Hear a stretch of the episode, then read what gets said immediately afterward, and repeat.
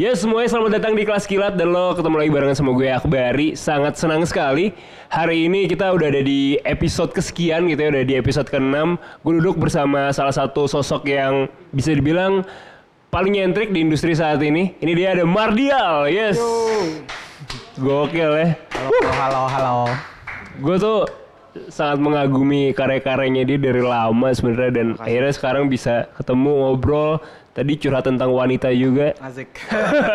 mantap banget eh nama asli lu tuh siapa sih nama gue Mardial sih nama asli sih. M- Mardial nama asli di Iya, KTP ada Mardialnya Iya, nama belakang. oh jadi apa Hazen Mardial. Hazin Mardial Mardial nama keluarga Hmm, enggak sih, kayaknya emang itu Oke. nama nama orang-orang Sumatera gitu lah. oh oke oke oke oke nah terus nih lu lu lu di publik kan dikenalnya dengan berbagai hal gitu kan Aha. ada Mamang Cashbor Iya, ada iya, ada. Marco Lopo Marco Pol, eh Marlo gim- Kopo. Ma- gimana Mar? Marlo Kopo. Marlo Kopo nah itu ada apa lagi ada lebih karakter Ada karakternya Denny Wallace, tapi itu tuh udah, udah pada mati sih. Udah pada mati? Iya, udah udah jarang nongol lah gitu. nah sekarang lu apa aja Yang lagi bikin project paling eh, Mamang Cashbor lagi lumayan banyak project. Itu aja sih. sama Mardial Mardial. Nah Mardial tuh kenapa Mardial Music tulisannya? Pakai Z. Kenapa? itu pronunciation luar gitu loh music cuma eh, karena gua waktu itu gua kayak mau bikin account namanya Mardial doang sebenarnya cuma Hmm. udah diteken gitu sama entah siapa Hmm. terus Mardial Music kalau M U S I C kayak biasa banget jadi ya udah music aja kayak Hmm. walaupun ba- banyak yang salah kaprah orang kiranya music itu ya include di nama gitu loh kayak Oh. dapat kok kayak dapat apa WhatsApp gitu kayak halo ini dengan Mardial Music ya gitu Oke oke oke. bilang iya iya iya aja deh Lu sendiri lebih nyaman di di present sebagai apa sih? Maksud gue titelnya apa? Uh, music producer sih. Oh gitu. Iya. Bukan content creator. Content creator juga, cuma kan ujung-ujungnya konten yang gue bikin musik juga sih outputnya. Hmm. Jadi kayak mungkin biar gampangnya ya music production aja lah. Hmm. Lu pernah dibilang selebgram gak sih? Enggak juga sih, enggak pernah sih. Selebtit pernah gak? Enggak. Enggak. Oke oke oke. Untungnya enggak. ya. Untungnya enggak ya. Oke oke. Ini gokil banget dan kemarin tuh memang kita lagi ramai banget juga sempat ngelihat di bulan puasa gitu ya. Aha. Ada Mamang Cashbor ngerilis eh, album di Pornhub. Yoi yoi. Itu itu itu nyokap bokap lu tau nggak? Rilis sih. Kayaknya sih belum. Oh belum, oh iya, oh iya. Iya. Tapi keluarga-keluarga lo tau dong ya yang ponakan itu. Mungkin Oke oke. mungkin. Kenapa lo kepikiran bisa di Pornhub gitu? Itu lo musisi pertama yang ngerilis itu? Enggak juga sih. Waktu itu ada hmm, ada beberapa sebenarnya orang yang eksklusif rilis di Pornhub. Hmm. Cuma bayangkan ya orang US aja gitu. Hmm. Yang gue tahu kalau nggak salah Kanye West pernah, terus ada rapper siapa ya nama rappernya? Coolio gitu-gitu lah. Mm-mm. Bayangkan emang hip hop sih. Tapi di Indonesia pertama. Mungkin. Oke. bisa Bilang Hmm. kalau bikin rilisan full album di Pornhub mungkin gue yang pertama. Hmm. Oke di oke. Bisa, eh, boleh lanjut tadi kenapa kepikiran di Pornhub? Kepikirannya awalnya sebenarnya kayak cuma gara-gara ada kendala teknis aja gue mau rilis digital terus Eh? sama teman-teman teman gue yang publishing kayak wah mundur nih tanggalnya gitu alasannya Oh. karena gue telat juga sih mungkin terus kayak Eh. akhirnya gue udah terlanjur announce kalau tanggal 25 itu gue rilis album Oh, udah announce duluan. Oke. pede Terus? lah. Tiba-tiba ya hamin berapa gitu kayak dibilang bakal mundur nih kayak mundur jadi tanggal berapa gitu untuk digital platformnya Eh. terus akhirnya ya anjir pas gue lagi kayak conference call gitu gue bilang gue bercanda awalnya kayak ya udahlah rilis aja di Pornhub gitu kan Eh. terus pada ketawa gitu pas udah gue tutup telepon baru gue kepikiran oke juga sih gitu kayak Anjir. kayak pasti akan dibahas gitulah eh. udah habis itu malam itu juga yang tadinya gue tinggal upload materi-materi promo gue jadi harus bikin satu video konten lagi gitu untuk yang gue taruh di Pornhub gitu yang Oh, kan buat visualnya. ya? sebenarnya cuma nggak ada visual sih cuma kayak cover art aja tapi ada Hmm. audio Hmm. dan gara-gara itu gue baru tahu kalau di Pornhub tuh bener-bener uncompressed gitu formatnya Oh, bagus dong malah. Oh, iya, iya. Malah lu puas dong sebagai produser. kualitas terbagus lo dengerin musik di Pornhub karena bener-bener gue Oke. uploadnya itu videonya format 4K Hah? audionya juga formatnya masih yang WAV dan size-nya udah hampir 9 gigaan gitu. Oke. Dan gu- gua uploadingnya 9 giga gitu kan. Ini bener nih, terus gue pikir bakal ada convert gimana gitu kan. Eh. Ternyata enggak sih, kualitasnya nggak ada yang berubah gitu. Anjir gokil. Jadi uncompressed, bener ya. Kalau mau denger yang uncompressed di Pornhub sih. Oke, kalau Spotify gitu-gitu udah ke Nah, kompres pasti, ya? pasti kena, pasti ada format digitalnya lagi. yang untuk versi kompresnya lah gitu. Anjir. Data kan. Ya kita sekarang langsung aja lihat ada cuplikan dari album Mamang Cashbor yang dirilis di Pornhub. Ini dia album terbaik di Tata Surya. Dan juga habis ini bakal ada cuplikan untuk Mardial bikin musiknya seperti apa ya. Langsung aja. Ya selalu balik lagi bareng sama gue Akbari di kelas kilat dan ada Mardial di sini. Yes. Yo yo. Ngomong. Cashbor. lu lu lu tuh eh, menikmati menjadi berbagai individu gitu. Sebenarnya nggak, gue nggak jadi berbagai individu sih. Gue tetap kayak Oh, nggak? biasa sehari-hari gini aja. Cuma pada Eh. saat gue bikin konten, bikin Uh-huh. musik baru gitu. Oke, Dan jadi gue menikmatinya, menikmati. Istilahnya gue berperan sebagai beberapa karakter Uh-huh. lah, gitu. Gue menikmatinya sih. tapi dengan lu sebagai sosok yang eh, mungkin jokes gitu kan, Aha. kocak segala macam, Iya, iya. pernah gak sih jadi dipandang sebelah mata sama orang?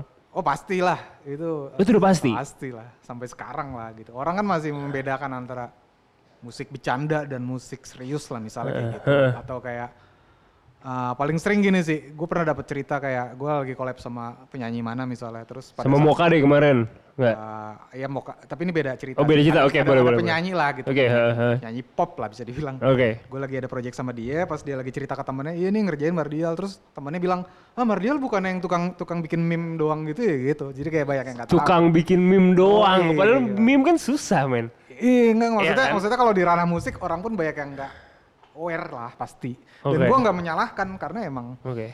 ya delivery gue juga kadang gitu kan di Hmm. sosial media. Jadi biarin aja kalau emang dia belum tahu ya udah emang belum tahu aja gitu. Lu nggak apa-apa tuh sama itu. masalah sih.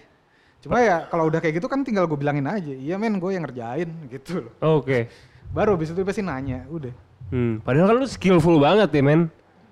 Alhamdulillah. Iya lah, iya lah. Lu Ya, bisa bikin musik yang yang memang lu serius gitu, Hmm. ada juga yang emang yang fun gitu. Iya. Oke, oke. sekarang kita bicara tentang eh, proses audio gitu ya. Mhm. Sebenarnya definisi mixing sama mastering itu apa sih? Gue gua gua Hmm. awam banget, gue nggak ngerti cuy. Mudahnya gini sih kalau kalau kita analogikannya pakai apa ya?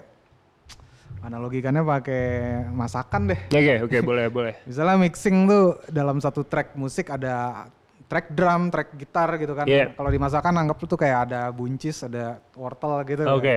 Nah, itu di mixnya di situ, di proses mixing supaya kelihatannya indah gitu loh. Oke. Jadi atau rasanya enak gitu. Jadi proses mixing itu ya itu nyampur, nyampur yang tadi itu udah berjalan tuh multi track Heeh. diimbangkan, di balance. Jadi sebenarnya mixing cuma ada dua tuh. Oke. Yang terdapat dalam mixing tuh cuma ada dua, leveling sama panning. Udah itu doang sebenarnya. Panning tuh apa? Uh, panning kayak kalau untuk stereo system kanan kirinya, Hmm. leveling gedein kecilin. Sebenarnya itu doang. Oh jadi bassnya eh, 9, Iya. si drumnya 10 gitu. Seben- iya, sebenarnya itu doang. Kalau Oh. mungkin ada lagi istilahnya kreatif mixing ya, kreatif mixing kayak uh, misalnya pada saat udah masuk ke software gitu, tiba-tiba Hmm. lu ada ide kreatif kayak gue tambahin efek ah kayak gitu. Oke. Itu, itu masuk ke ke ranah mixing juga sebenarnya teman lebih ke Oke. bagian kreatif aja sih, bukan teknik. Oke. Kalau mastering gimana? Mastering mungkin kalau masakan udah jadi dibungkus gitu. Misalnya gini kalau gampangnya gini, kalau mastering ada dua juga sih, ada mastering track, ada mastering album. Oke. Kalau mastering album itu misalnya kayak ada 10 jenis makanan tapi mau dijadiin satu parcel. Hmm. Biar kelihatan balance itu mastering ter- uh, album. Hmm. Tapi kalau cuma satu biji itu packaging gitu loh. Oke. Jadi bungkusan terakhirnya lah. Jadi begitu mixingnya udah jadi berupa berupa satu file audio, Hmm. itu dibikin ke standar industrinya melalui mastering. Gitu loh. Jadi cuma penyesuaian bitrate doang mastering? Enggak juga. Apa dong? Mastering ada juga yang pada akhirnya lu ngerubah ngerubah suaranya. Oke, berarti Kayak misalnya diproses juga gitu. bassnya dipakein reverb. Bisa kayak itu gitu. ma- mastering, Itu bukan mastering. mixing. Itu bisa itu masuk ke dalam bagian mastering tapi eh, ranahnya udah nggak bisa diutak-atik karena udah berupa satu file. Oh. Itu sih. Jadi contoh gini lah. Biasanya mastering itu ngerjain engineer karena udah sifatnya udah hitung-hitungan gitu kayak Oke. disebutnya mastering engineer kan. Oh. Ya, udah hitung-hitungan gitu ada leveling, ada eh, kekerasan suaranya segini, standar industrinya segini kayak gitu. Hmm. Jadi yang ada di dalam proses mastering itu biasanya satu format audio yang udah jadi itu Hmm. Diproses lagi entah berupa pakai alat beneran analog atau enggak gitu. Hmm. Setelah itu dia adjust, kalau misalnya ini kurang dikit nih bisa bisa di adjust lagi di situ. Hmm. Jadi kayak ada proses mixingnya juga dikit di situ, tapi berupa satu file ya. Oh, Udah- ada, oh ada proses mixing dikit iya, gitu. tapi Hah. tapi itu udah berupa satu file, jadi udah nggak Oke. bisa diganggu gugat, drumnya digedein tuh udah nggak bisa. Oh, gitu. Tapi Drumnya hanya berupa lagi udah nggak bisa tuh? Nggak bisa. Oke. Tapi secara frekuensi bisa. Oke. Secara file, secara data nggak bisa kan. Tapi secara Oh. frekuensi keseluruhan satu file bisa. Oke. Jadi kayak lo misalnya lu ada satu file, lu puter di mobil yang equalizer gitu, heeh. bassnya lu kecilin, Hah? itu di proses mastering ada yang kayak gitu bisa. Oh. Ada compressingnya juga, kayak balancing segala macam juga. Tapi basically sebenarnya mastering yang sebener-benernya pada awalnya itu sih, kayak cuman file yang udah jadi itu lu jadiin ke standar industrinya gitu. Hmm, oke oke. Kayak kekerasan suaranya standarnya segini, Oke. gitu-gitu aja sih. Nah terus kalau ada orang-orang yang bela-belain mastering di Abbey Road gitu. Ya akan ada kekhasan sendiri karena Oh, device gitu? yang digunakan ya. Misalnya gini, Abbey Road kan masih gunain pita ya buat mastering. Hmm. Pita kan ngasih karakter. Jadi Nah, selain Kita ngi- ngirim ngirimnya kan versi tracking kan tadi kan Iya. kata lo, bunyi segala macam terpisah kan? enggak kalau misalnya prosesnya namanya mastering sih Hmm? pasti engineer cuma minta satu file. Oh. Kecuali pada saat dia terima bagi dia itu nggak balance, itu mungkin dia minta revisi. Mixing Oh. ulang dong gitu. Gua susah nih kalau masteringin file yang kayak gini. Oh. Kayak gitu. Oke oke oke. Jadi emang kuncinya menurut gua kalau lo yang lagi pada senang produksi, Hmm.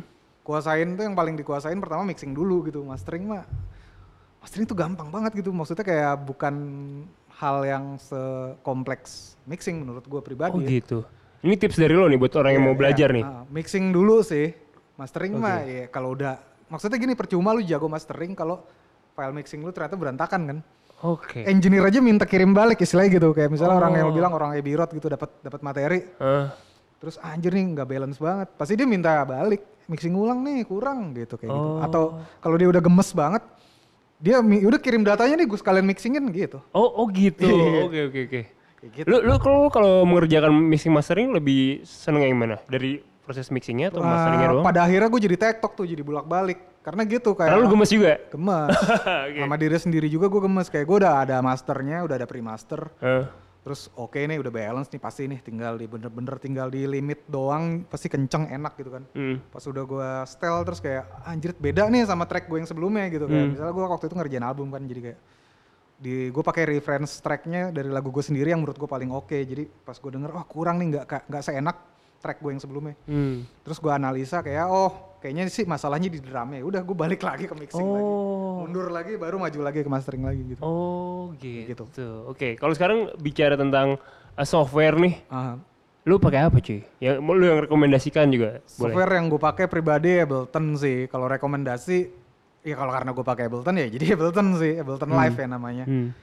cuma software-software lain juga nggak ada bedanya sih itu tools aja gitu setiap Hmm. orang punya workflow yang berbeda aja gitu cuma kalau gue alasannya pakai Ableton karena menurut gue lebih praktis sama dia multi OS aja sih Oh, Itu- Oke oke oke. itu fitur yang lumayan jarang ada di eh, software lain lah Lu pakai Mac atau pakai Windows? pakai dua-duanya makanya jadi gue pilih Ableton karena Oh. pada saat gue kerjain di laptop ide-ide doang gitu gue bisa ngerjain di mana aja di laptop laptop gue Mac Hmm. terus oh, oke nih lanjutan nanti di rumah udah di rumah tinggal gue send ke eh, PC gue lanjutin di PC Oke. udah udah proper lah lingkungannya gitu udah ada speaker segala macem udah enak gitu Hmm, oke oke. Itu tadi pertanyaan dari Instagram juga. oke Jadi semoga cukup menjawab tadi untuk @melkitandimbong. Wis. Dibilang katanya di pertanyaan itu. Terus ada juga yang eh, nanya, lu pertama kali software sampai tools mixing mastering tuh apa aja sih yang dibutuhin?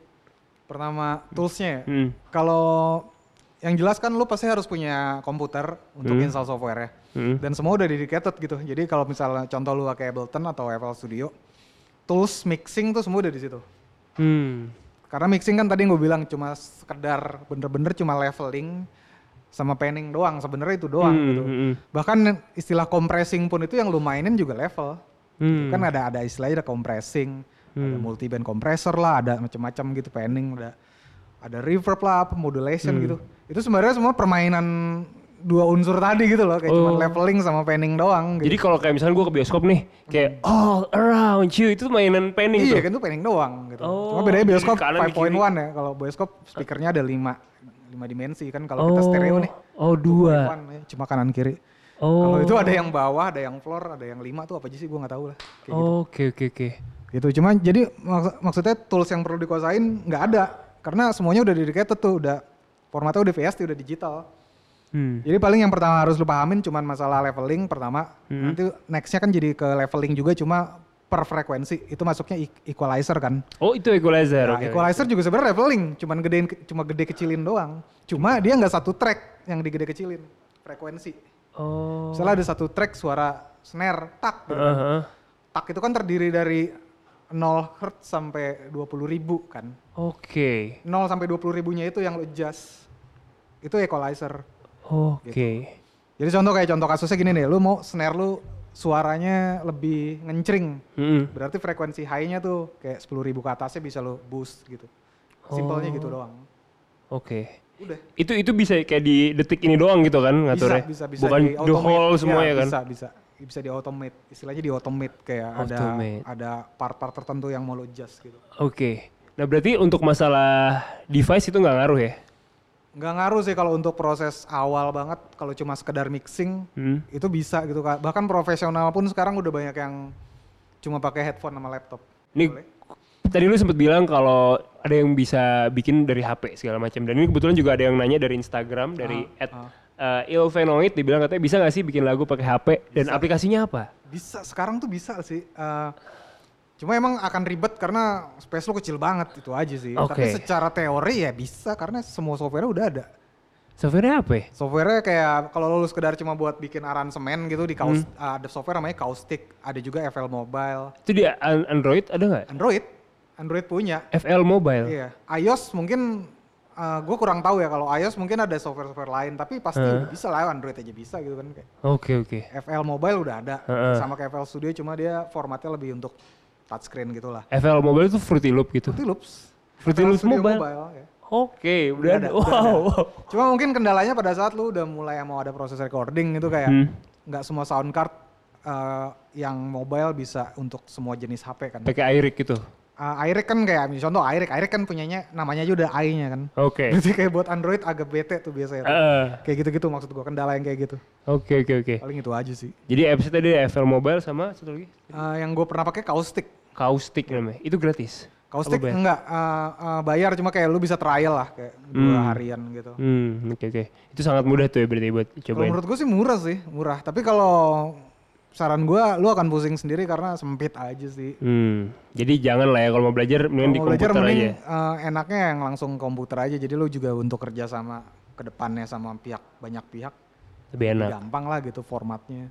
Oke oke oke. Siap siap. Itu tadi ya. Cu- Semoga cukup menjawab. Lanjut lagi ada lagi dari at Arvin Chung dia bilang katanya rules pakai kompresor apa aja kayak setting threshold dan lain-lain. Wah gimana nih? Anjir ini teknis banget ya.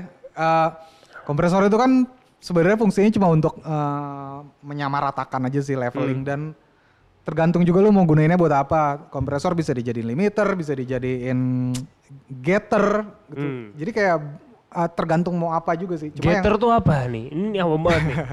yang, getter lu kalau lu, lu, lu tau nggak Stormbox ada noise gate. Iya. Ya, uh, misalnya lu pakai distorsi kan ninggalin noise net. Ya oke. Ada namanya getter kan atau noise gate. Oke. Dia ngilangin. Jadi Ngilangin di- si noise itu. ngilangin si noise. Sebenarnya dia bukan ngilangin noise, tapi dia mematikan suara pada saat level tertentu lu set kecilnya seberapa gitu loh. Oke. Jadi Berarti kayak pedal gitu ditutup gitu? enggak, gue Bukan? cuma cuma menganalogikan cara kerjanya. Oh, cara kerjanya, oke. Hmm. Itu bisa lu jadiin macam-macam, bisa lu Hmm. jadiin yang fungsinya emang buat ngompres atau bisa juga buat jadi getter atau Hmm. bisa juga buat limiting gitu. Hmm, oke oke. Jadi eh, gampangnya gini sih kalau lu lihat waveform itu eh, waveform itu bentuknya naik turun kenceng gedenya Iya. beragam dinamik ada yang, Hmm. ada yang gede ada yang kecil limiter itu yang akan eh limiter maksudnya kompresor itu yang akan membuat dia jadi lebih balance lebih lebih Oh. lebih rata lah gitu. Kurvanya nggak terlalu ya bahasa mudah gitu ya, ya, oke. bahasa mudahnya membesarkan yang kekecilan mengecilkan yang kebesaran Hmm. gitu jadi Iya. lebih lebih bagus gitu loh dinamiknya dan itu paling umumnya biasanya uh, track vokal kan suara manusia dinamis banget Hmm. kalau dia lagi tinggi tahu-tahu kenceng kalau dia lagi agak whispering tahu-tahu tipis nah itu di situ kompresor bisa bekerja gitu dan Oh. fungsi yang tadi lu bilang threshold itu tingkatan seberapa tinggi dynamic yang mau lu kompres itu aja sih. Oh. Jadi kalau lu cara gampang banget memahami plugins gitu ya, Hah? baca manualnya aja udah. Gitu. Oke. Karena semua di situ sebenarnya dijelasin gitu. Oke. Dan mungkin yang nggak dijelasin yang analogi yang kayak barusan gue jelasin aja Hmm. gitu. Kayak misalnya soal ngeratain kayak Ini gitu. bahasa mudahnya Bahasa lo mudahnya. kasih. Tuh makanya ikro, eh jangan males lo. Nih buat tadi Arvin Chung ya. Tapi emang kompresor tuh di dunia production momok, ngerti nggak lu kayak Kenapa ya? selalu jadi sesuatu yang Perdebatan. Oh misterius, Iya. oke. Karena kadang-kadang efeknya juga settle, uh, maksudnya kuping-kuping yang belum terlalu terlatih Hmm. nggak bisa bedain yang Nggak mana bisa yang dikompres. itu ya? Iya. Iya, iya, Tapi sih. pada saat dikasih lihat visualnya, lu lihat tuh vokalnya udah kelihatan lebih rata kan gitu waveformnya. Oh. Yang ini masih yang belang gitu. Baru Butuh tuh sense lagi berarti kan ada sebenarnya. sense juga. Tapi ya itu tadi latihan sih. Oke. Siap-siap. Kayak lu denger lagu udah bisa misah-misahin tracknya gitu ya. Iya, iya. Yang PR adalah ketika lu dapat klien, Hah? kliennya nggak punya sense itu. Jadi Oh. dia bilang tolong ratain dong. Ini udah rata mbak gitu bentuknya Oh, gitu. lu mesti screenshot itunya lagi. Wow, oke oke. Oh iya ya. Jadi ada kayak apa ya? Ada pseudo gitu loh di, di Oke. belakangnya, di pada saat dikasih visualnya. Oh, Karena kan beda-beda lah kuping orang gitu. baru terasa ya mereka ya. Oke siap. Thank you nih cukup menjawab ada lagi nih dari eh, Ed Adit Jansa dibilang katanya. Nah kalau lihat fenomena TikTok menurut lo, kenapa orang-orang yang main TikTok lebih suka lagu remix dibandingkan lagu original? Karena Bener TikTok sih. buat joget. Emang lagu original gak asik cuy? Ah, enggak maksudnya TikTok tuh buat seneng gitu loh, buat joget, buat Oke. lucu-lucuan. Oke. Jadi itu jawaban Ya, lo ya? pasti nyarinya yang energik lah, yang teteng toeng gitu lah. Mm-mm. Teteng toeng, teteng toeng gitu Biar ya? lucu men. Oke oke. Menurut gua TikTok bukan, menurut gua TikTok kalau dibilang sosial media gitu ya, Hmm. sosial media paling gak serius kali. Oh iya. Pasti yang serius gitu kalau setiap lu scroll pasti mostly isinya orang bercanda men. Ada nggak yang orang berantem di TikTok ada nggak? Gak ada sih. Kayak ada. kayak balas-balasan screenshot Instagram gitu, Nggak, hitam terus tulisannya panjang. Oh. ada nggak di TikTok? Gak ada, gak ada. Enggak ada, sih. ada. TikTok kayak ada. emang buat fun aja sih. Jadi kayak nggak usah dipusingin lah. Nggak ada sih TikTok war belum denger ada, sih gue. nggak ada TikTok war. Twitter banyak ya Twitter kan, banyak, iya. Sampai bawa-bawa hukum lah. gitu. Iya, mengkatrol. Oke, ini nih menjambung tentang eh, lagu-lagu remix segala macam. Ah. Eh, Mardial atau Mamang Cashbore nih juga salah satu yang berjasa juga dengan adanya koplo-koploan makin dinikmati banyak orang ya. Koplo-fi. Oh iya. Ini gimana nih? Ini ada pertanyaan dari juga Edmas underscore wit. So, katanya lu juga mau ngerilis software koplo, nih, koplo-fi. Bener?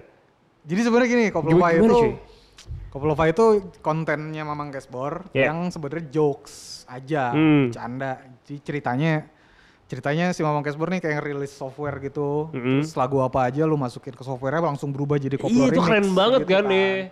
Secara teknis bisa tuh, bisa. Gue pernah disamperin temen gue yang developer gitu kayak Hah? lu mau mau jadiin Koplofi beneran nggak? Bisa kok gitu. Oke. Cuma emang ah, hasilnya mungkin nggak terlalu sempurna dibilang itu. Terus gue bilang anjir pusing men kapan-kapan aja deh gitu. Oke. Jadi kalau ada yang nanya itu bisa jadi software beneran atau enggak, secara logika tuh bisa banget. Gue paham banget tuh bisa kayaknya. Hmm. Tapi itu so far emang cuman konten jokes aja. Dan Hmm. cuma di satu video itu doang ya gitu kayak. Iya lah lagu-lagu yang maksudnya kita sering dengerin terus tiba-tiba jadi koplo kan jadi Yoi, fun banget yoi. gitu kan. Ada lagunya ungu juga lagi kan. Iya makanya. tapi tapi lu nggak mau seriusin ke software gitu? Ehm, kalau gue sendiri nggak bisa kan, itu pasti yang ngerjain orang gitu Hmm. sih. Cuma nama koplo-nya itu sendiri kalau misalnya suatu hari ada yang nyolong, mungkin gue akan kesel sih. Oh, oke oke oke. Karena oke. itu menurut gue itu ide kreatif gue aja sih untuk konten itu. Oke. Siap. Walaupun banyak yang make tuh di hashtag gitu kayak di Instagram kan udah mulai rame ya. Iya iya benar benar benar. Banyak hashtag-hashtagnya tuh koplo mungkin dia juga nggak tahu tuh. Udah kayak hashtag Indo Musikgram gitu Iya, cuy. musik kayaknya dia nggak tahu juga tuh koplo aslinya tuh sebenarnya Oh. cuma video konten doang. Oh. Kayak mungkin dia nganggapnya itu kayak meme aja gitu, koplo-fi. Berarti Oke. kop, berarti lagu yang dikoplokan gitu kan. Heeh, heeh. Mungkin karena ada banyak yang gue suka lihat hashtag-hashtag koplo-fi ya. Hah? Terus gue gue cek oh cuma remix-remix koplo aja sih gitu. Oke oke oke. Nah ini kalau dengerin karya lo tuh ya, gue tuh merasa di bawah ada yang serius gitu ya. Misalkan dengerin lo yang collab sama Fish atau yang apa gitu. Ah. Atau mungkin juga musik-musik lo yang sendiri itu juga banyak yang menurut gue ini komposisi nggak main-main nih. Oke. Tapi ketika ketika di ngomong cashboard tuh lebih fun. Lebih fun. Lebih fun. Lirik-liriknya juga kayak wah ini jokes banget nih Iya, gitu. iya. Kayak misalkan yang Imonite deh. Aha. Imonite kan lu lu banyak banget tuh sindiran-sindiran yang menurut gue bener banget gitu kan. dulu rambutnya gini sekarang jadi gini. Ah, Terus dulu Metal Zone terus udah sekarang udah dijual Oh, Metal iya, Zone. iya, iya. Dulu apa apa lu? Gitar Epiphone. Iya. Udah ditinggal. ya. Makanya terus dulu dengerin siapa apa MCR Dulu jadi MCR, Kendrick Lamar Kendrick ya kan. Iya. Makanya maksud gue lu mau motret satir itu kan. Itu gimana bisa Iya, kepikiran? Istilahnya apa ya? Gue pernah ada kata yang keren banget tuh dari salah satu jurnalis senior soal konten yang ngomong cashboard. Dia bilangnya Hmm. merekam zaman, anjir. Keren abis. Anjir, Merekam zaman cuy. Dia Iya. bilang merekam zaman nih album lu kayak gitu. Karena ya bener emang kayak itu sebenarnya kayak lima tahun ke depan juga mungkin udah nggak selucu sekarang gitu loh. Iya. Karena apa yang bener-bener terjadi aja yang gue angkat gitu loh. Hmm. Dan melalui apa ya delivery yang sifatnya satir sih. Karena Oke. juga semua yang gue ketawain di situ pun sebenarnya gue lakuin kan. Hmm. Kayak Imonite ya gue dulu. Gue dulu wis gitu men dulu gue. Dulu dulu Pit Vance habis loh. Oh, gitar Epiphone. Oh, oke. Efek Metal Zone. Oh, Oke oke.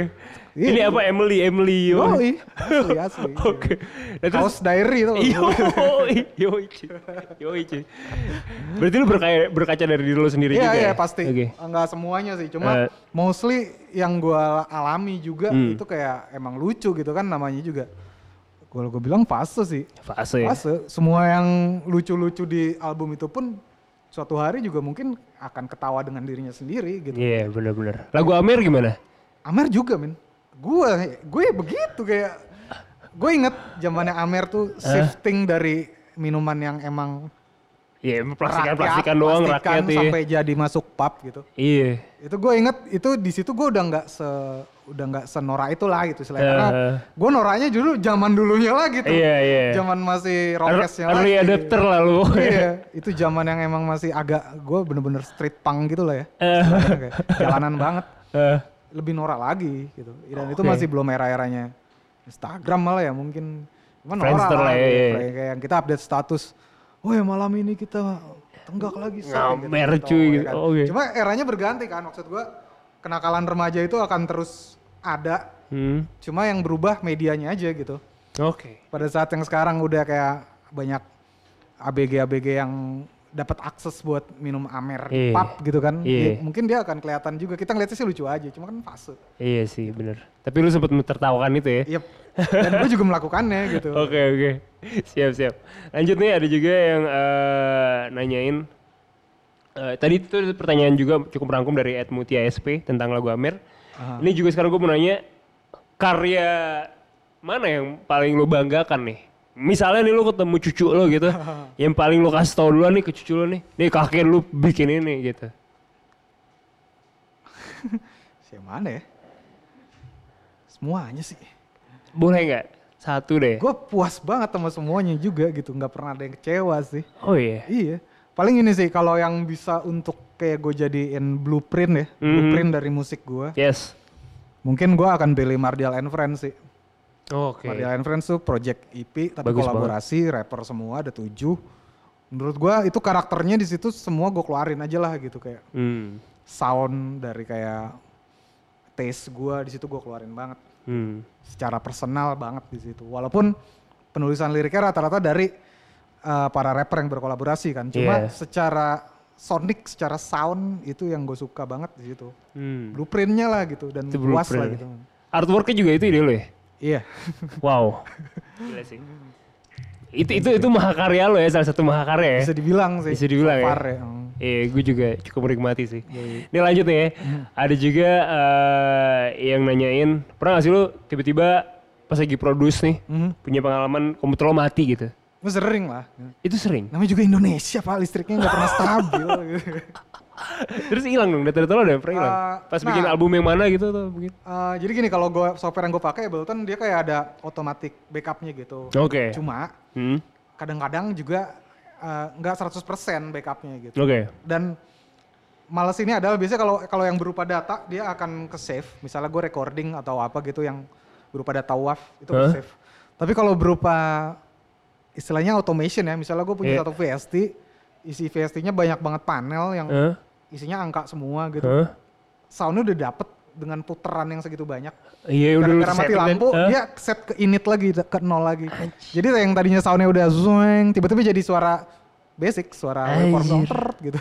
Anjir. Itu beberapa kali lah terjadi. Itu lu gondok banget dong. Iya bete sih, gue langsung tidur. Oke, gue juga melihat eh, tweet lo nih. Nah, yang ngomongin kalau klien tuh nggak bisa bedain antara jingle, antara scoring, dan theme song dan lain-lain itu. Eh. Itu bener? ada masih ada beberapa yang kayak gitu. Oke. Jadi agak serem. Biasanya itu yang bukan emang ranahnya sih ngerti nggak lo kayak langsung dari pihak klien langsung gitu loh yang nggak pakai Agensinya atau apa? nggak agensinya kalau agensi pasti ngerti lah gitu kuliahnya kan begituan Heeh. maksud gua kayak sekarang kan udah mulai banyak yang direct gitu loh Oh. nah itu yang biasanya akan jadi pusing tuh Oke oke. jelasinnya gitu Berarti lu banyak bikin buat eh, klien-klien lu gitu, perusahaan-perusahaan gitu banyak? Ah, jalannya sih lebih banyak itu malah Oh gitu. Mm-mm. Oke. kerjaan gue sebenarnya lebih ke situ sih Industri ya, apa maksudnya perusahaan yang mungkin paling mungkin orang-orang nggak nyangka nih ternyata lu yang bikin gitu. yang paling paling gokil ya menurut Eh, gue ya. iya, iya. Google sih Oh bikin buat Google cuy. Itu itu gue bangga banget karena dapat citra pariwara pak Dan lu bikinnya sendirian tapi gitu yang dapat kan? bukan gue agensinya lah tapi, Tapi gue kan di situ ngerjain musiknya Lu yang ngerjain Iya. kan? tapi Wow. gue bisa pamer ke dosen gue gitu kan Eh gila men. Gue citra pariwara gue gitu Iyalah gila lu. Lu jurusan apa? Eh, advertising Sejalan dong dan Sejalan. dan dan itu Iya. itu penghargaan tertinggi cuy di Indonesia. Iya bisa bilang gitu sih Gila. gue pengen lagi sih ya lah Nyokap bokap lu bangga nggak? ya, gue malah belum cerita Oh, Oke. mereka taunya pokoknya gue kerjanya di kamar bikin lagu di studio gitu-gitu Oke. doang gitu. Lu nggak merasakan work from office berarti dulu WFH terus ya? dari dulu iya kayak pas kayak work from home kayak Eh. ya gue mau bahas apa lagi ya udah gue juga tiap Iya. hari gitu Iya. takutnya malah tersinggung gue bilang ah lu baru sekarang itu malah ngeselin gitu ya Oke, diem oke, oke. aja lah gitu Oke oke. Ini menarik juga ya. Maksud gue eh, berarti kan lu banyak ngerjain buat klien-klien dan gue juga tahu lu sempet sama Netflix juga. ya Itu itu gimana cuy prosesnya? prosesnya Hmm. eh, tem kebetulan kenal lama juga sih jadi kayak si yang megang ma- bagian marketing apa promonya Hmm? dulu orang yang megang eh, salah satu sosmed gitulah kayak Mhm. sama di bidang yang sama gue pernah kerja sama sama mereka Hmm. terus dia pindah kan pindah ke Netflix ya udah Si Teguh. ditawarin lagi siapa lagi Oke oke. Siap. Sekarang juga ada yang pertanyaan. tadi bilang menangkap zaman siapa Eh, Teguh juga ya? gue Oh iya. kan doi nulis Oh. Oke oke oke. Siap. Thank you Teguh ya. yang kita gue emang, emang Oh mantap. canggih doi Canggih banget. canggih Oke lanjut nih. Ada lagi dari eh Ed Aceh Syahmi. Dia bilang katanya gimana cara tahu bikin beat yang nggak mirip sama yang punya orang. wah anjir ini susah sih susah susah Oke. gimana cara gimana pertanyaannya coba Gimana cara tahu bikin beat yang nggak mirip sama punya orang? oke pertama lu pakai Shazam dulu Oh, ini tips nih. dengerin tuh biasanya Shazam akan ngasih rekomendasi yang mendekati mendekati juga gitu lah Hmm. terus lu cek seberapa deketnya kan Dan kalau enggak ya udah aman gitu cuma Hmm. pada akhirnya kalau genre musiknya yang formulanya udah ketebak banget biasanya ya mirip-mirip aja gitu kayak Hmm. lu coba deh bikin bikin riff blues yang original gimana caranya Susah lah. susah kan karena emang udah pakemnya 12 blues ya iya, begitu iya, gitu iya, kan iya. gitu kalau jazz mungkin agak lebih lebar gitu sub genre-nya aja Iya. ribet banget kan Belum sih 154, 154. Iya bisa ke mana-mana lah. gitu. Iya. Tapi kalau yang udah formulanya ketebak banget gitu, Eh. ya susah sih. Itu kayak lu agak bermain luck juga sih. Oke. Nah ini ngomongin tentang profesi sendiri, nyokap bokap lu taunya lu kerja di kamar terus gitu ya. Iya. Sebenarnya seberapa menjanjikannya sih eh, profesi ini music producer? Uh, sangat menjanjikan sih kalau lo emang punya rencana untuk serius banget gitu kayak maksudnya uh, lebih kayak kalau sekarang kan gue masih yang freelance gitu ya. Eh, Tapi kan bisa aja gue nyari. Tapi lu hidup dari situ kan sekarang? Iya sih, tapi maksudnya gue belum sampai ke tahap yang bisa pitching langsung gitu kayak gue harus Hmm. pak melalui instansi lah kayak PT atau segala macam gitu. Mm-mm. Tapi ya next stepnya kan bisa aja gue mendirikan kayak misalnya nyari Hmm. investor buat bikin production house sendiri gitu misalnya gitu. Itu bukan misalnya, itu rencana lo dong. Rencananya sih. Yoi, amin. Kita doain bareng-bareng, amin, amin. Amin, amin, amin. Amin. Nah, gimana cara lo menentukan rate eh, produksi lo atau mixing, mastering lo? Uh, dulu gue agak bingung nih gini-gini nggak punya Hmm. temen gitu kan nanya-nanya. Sekarang uh, kita bisa kok diskusi sih sama sesama pelaku gitu, nanya-nanya standarnya. Uh, tapi kalau biasanya gue memutuskannya lihat kliennya dulu siapa pertama, karena ada yang emang pembayarnya itu internasional gitu. Misalnya brandnya emang brand Ya kayak Google lu ngerjain ya, buat Google. misalnya multinasional kan. Berarti emang mas, financingnya kan juga yang mereka punya gitu, atau minimal cabangnya gitu, misalnya yang di Singapurnya atau di mana. Ya udah pakai standar harga luar gitu. Oke. Cuma kalau yang lokal banget yang emang kita juga kenal orangnya, yang emang kita tahu budgetingnya juga nggak bisa segede itu juga, Hmm. masih bisa cincai gitu aja sih. Ya temen ya, temen yang Temen, support juga ya, berarti kayak kan. gitu. Oke. Cuma paling enak lihat standar internasionalnya dulu sih. Jadi kita tahu Oke. harga pantasnya berapa. Boleh tahu nggak kalau untuk pemula nih minimalnya berapa kisaran rate-nya? Anjir, buat bikin apa dulu nih? Beda-beda kan. Mungkin jasa mastering deh, Oke, jasa ja- mastering. caranya gini, cara paling gampangnya Heeh. pada saat ada orang mau minta jasa dari lo, misalnya jasanya jasa mastering, ya udah lu buka internet, lu cari jasa mastering. Oke. Tapi yang di luar negeri, Eropa atau US gitu, dua aja itu. Di Eropa biasanya langsung ketahuan tuh, oh 200 euro di di iniin berapa gitu, dirupiahin Hmm, segitu. dirupiahin berapa kursnya? Ya udah, itu kalau lu mau sombong skill lu sepantar jasa itu. Oke, oke. Tapi kalau ternyata emang skill lu ternyata belum selevel mereka, Hah? ya udah lu turunin aja sendiri. Oke. Lu bisa bisa predik kayak skill orang yang gue jadikan reference 100 tapi gue hanya baru mencapai 60-nya ya udah 60% dari rate dia. 60% dari rate dia itu itu. Misalnya. Tipsnya ya, oke. Iya. Nah, tapi di saat pandemi gini akhirnya jadi kita nurunin rate nggak sih? So far sih enggak sih. Enggak ya? Enggak. Oke, jadi sama aja berarti Sama semua. aja. Oke, berarti cara memantaskan diri seperti itu berarti ya? Iya, karena Tadi nggak ada supply and demand-nya juga kayaknya. Hmm. Oke, oke. Kecuali lu jualan lele gitu. Iya, iya, iya. Itu kan lebih ngaruh banget tuh cepet tuh. Ekosistemnya ngaruh tuh ya kan. iya. Pergerakannya cepet gitu. Oke, Kalau oke. Ini oke. mungkin belum aja sih, belum. Hmm, siap siap. Itu itu salah satu tips yang ada diajarin di kuliahan, cuy. Cara menentukan rate gitu ya. Ini udah diajarin nih sama dosen kita, Mamang Kesbor. Nah, terus gue mau nanya nih, ini dari skripnya juga ya. Fee terbesar lo berapa sih? Apanya? Selama garap proyek fee terbesar. Terbesar? Iya.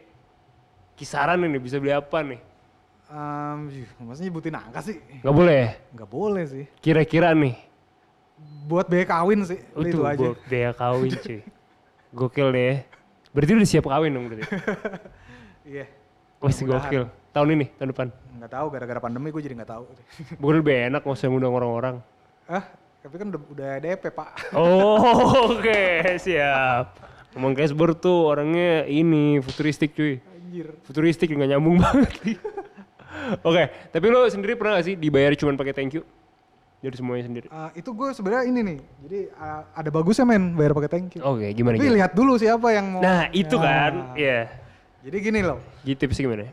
Ini gue buka aja deh. Gue sama temen gue ada dia orang visual gitu lah. Udah Hmm. udah internasional banget hitungannya.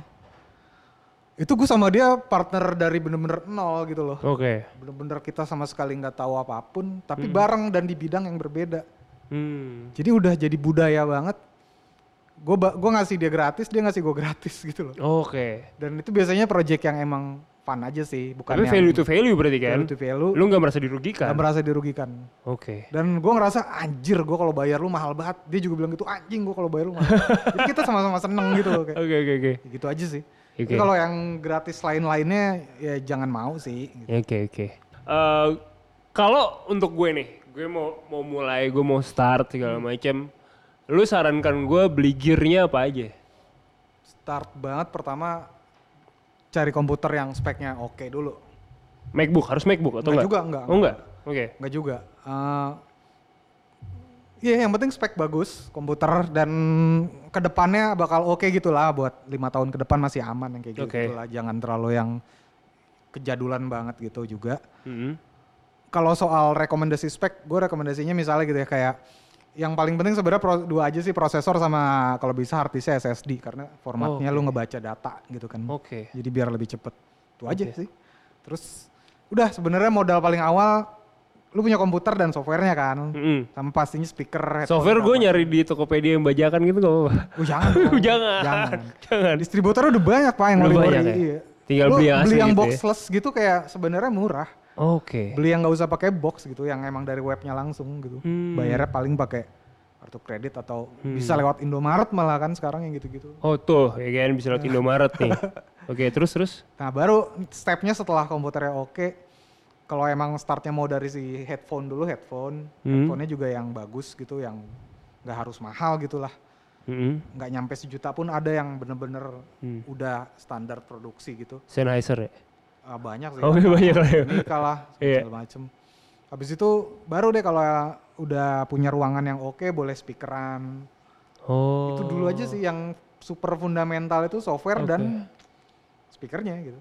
Yang ngeluarin suaranya. Karena semuanya kan Oke. lu ngerjainnya pakai mouse dan keyboard dulu tuh. Oh. Setelah itu kalau udah mau mulai expert misalnya lu udah mau mulai lu juga sebagai player di situ Hmm. mau ngisi nada segala macam bentuknya udah piano bisa beli MIDI controller.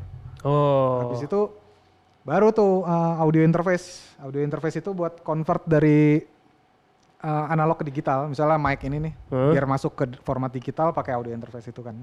Oke. Sound card istilahnya, bahasa Oh. bahasa umumnya. Scarlett yang warna merah itu. Ya. Jadi sekarang karena orang udah tahu banyak banget bedroom producer, Hah? brand-brand pun banyak yang ngeluarin paketan tuh. Oh. Salah satunya Scarlett. Oh. Itu sebenarnya untuk start buat kickstart tuh oke banget sih. Oke. Lu beli satu paket di situ langsung dapat headphone. Uh, gue nggak disponsorin ya, tapi Iya, itu iya. oke banget buat yang baru. Dapat sound card, uh, audio interface yang lainnya oke buat recording. Hmm. Terus dapat apa lagi ya? Headphone, sound card, sama mic. Oh, lumayan banget ya kondensornya Oke itu ya, kondensor kan. Oh ya kondensor. Itu udah cukup proper tuh berarti ya. Itu salah satu, salah satu tipsnya dari Mamang Cashbor. Yoi. Lanjut kalau eh, buat yang baru mau mulai banget nih, boleh nggak kasih 5 tips atau triknya gitu dari lo sendiri? Lima ya. Iya, kebanyakan deh. Agak lama aja gue nginget-nginget. Oke, tiga deh. Tiga ya. Tiga deh. Pertama sebelum terjun untuk produksi, lu harus bisa bisa dulu, bisa musik dulu. Hmm. Jangan lu nggak punya sa- sama sekali nggak punya knowledge musik, terus lu langsung ngambil sekolah, begitu misalnya sekolah musik production misalnya. Iya, iya. Misalnya ada sekolah eh, jurusannya eh, digital musik production misalnya gitu. Tapi lu nggak tahu cara genjreng gitar, nggak tahu, nggak sama sekali nggak punya knowledge soal nada gitu misalnya. Ini itu itu kasihan dosennya gitu. Gue mau ngajarin apaan ke lu gitu. Oke, oke. Jadi kayak emang sebenarnya yang paling utama lu emang punya punya taste, eh bukan punya taste, punya punya skill di musik dulu. Entah itu lu pianis, entah lu gitaris, atau lu minimal kayak lu nggak bisa alat sama sekali ya, tapi Eh. lu ngerti nada aja gitu. Oke. Udah Ini mungkin mispersepsi yang ada gitu ya. Orang-orang ngira kalau lu bikin di komputer tuh udah kayak template doang. Yoi, emang benar. Maksudnya udah banyak yang menyediakan template kayak gitu. Heeh. Tapi ntar lu pusing sendiri kan pasti jadinya. Iya. Gue sering kok dapetin contoh kasus orang yang ngirim lagu ke gua itu Hmm. kita langsung bisa tahu kalau oh ini orang nggak ngerti nggak ngerti scale nggak ngerti chord gitu Hmm. dia cuma buka software masuk masukin ini itu Oke. numpuk yang tadinya lagi enak merdu merdu nah, nah, nah, pas dia masuk ke bagian bridge jumping gitu nah nah nah gitu. Oh, oke. banyak oke. yang kayak gitu Oke. Nah, sama banyak juga mungkin banyak sekolah-sekolah musik yang nggak pakai tes sekarang kan kalau Iya, zaman iya. dulu kan lu masuk sekolah musik dites dulu Iya benar. lu jurusan apa bass bisa main bass nggak gitu kan kalau ah Hmm. jelek udah latihan lagi tahun depan tes gitu tapi kalau ini sekolah misalnya misalnya ilmunya itu ilmu produksi EDM lah gitu Iya. misalnya tapi dia nggak bisa nggak tahu do re mi fa sol la si do gitu misalnya Oke. kacau banget men gitu gua kasihan dosen ntar gimana ngajarin Iya sih benar benar benar. jadi pertama itu Make kan sense. sebelum Satu. lu terjun Mm-mm. bisa musik dulu pastinya Oke. Yang kedua? kedua eh, perbanyak forum sih Oke. perbanyak forum, Forumnya Facebook gitu. apa aja Quora gitu. apa aja bener-bener aja? apa aja, Oke. 100% kayak gue contoh orang yang otodidak Hah? guru gue itu udah ratusan orang anonim yang ada di internet istilahnya gitu Oke. karena kita berforum Oke. baik itu kayak cuman di grup atau apa pun gitu Hmm. dan sekarang udah super gampang parah ya bener-bener cuman buka YouTube Udah super gampang parah tuh ya. Iya. cuma buka YouTube karena YouTube udah formatnya udah bukan forum lagi ya lu udah punya tutor sendiri gitu loh Oke yang oke. mau bagi-bagi secara gratis Tinggal niatnya aja kita ya. Jadi Oke. pada saat pertama itu lu udah punya bakat di musik, Hmm. kedua lu cuma tahu cara nggunain tuh alat kan. Istilahnya Hmm. kan itu semua cuma tools, komputer juga cuma tools, Iya. tapi cara tinggal cara gunainnya aja. Hmm. Cara gunainnya emang kompleks panjang tapi satu-satu bisa dipelajarin dan banyak yang bentuknya udah kurikulum malah di YouTube tuh udah super Anjir, gampang gitu loh anjir. yang kayak Ada gak channel YouTube yang lu rekomendasiin buat belajar? channel YouTube eh, generasinya udah berbeda nih. Oh, udah beda Zaman ya, gua oke. belajar, gue banyak belajar di channel kayak namanya Dubspot, Mm-mm. Terus ada namanya musisi kamar bikinan temen gue Mm-mm. yang ngajarin gue juga. Cuma sekarang generasinya kan udah berubah. Sekarang kayak udah nggak terlalu basic juga gitu, nggak terlalu kurikulum formatnya. Tapi lu bisa langsung by genre gitu loh. Oh. Nggak lu? Lu misalnya, lu, gua, lu, lu pengen nguasain caranya bikin EP gimana ya, akustikan doang. Eh. Ada tutorialnya. Oh. Yang simple-simple kayak micingnya doang. Oh. Kayak gitu-gitu. Atau lu mau langsung, gue mau EDM nih, gue mau bikin musik TikTok gitu. Eh. Udah, gitu. cara bikin musik TikTok. Ada tuh men, ada. Iya, Oke. ketemu lagi sama aku gitu. Nah lu belajar koplo koplo itu sendiri berarti kan?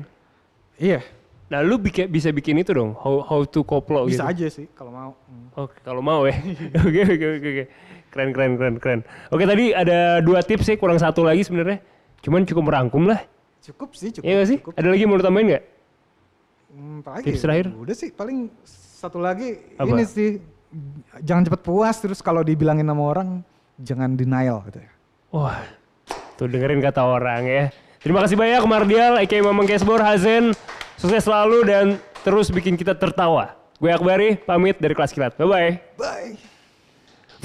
Bra bra cia. Ja.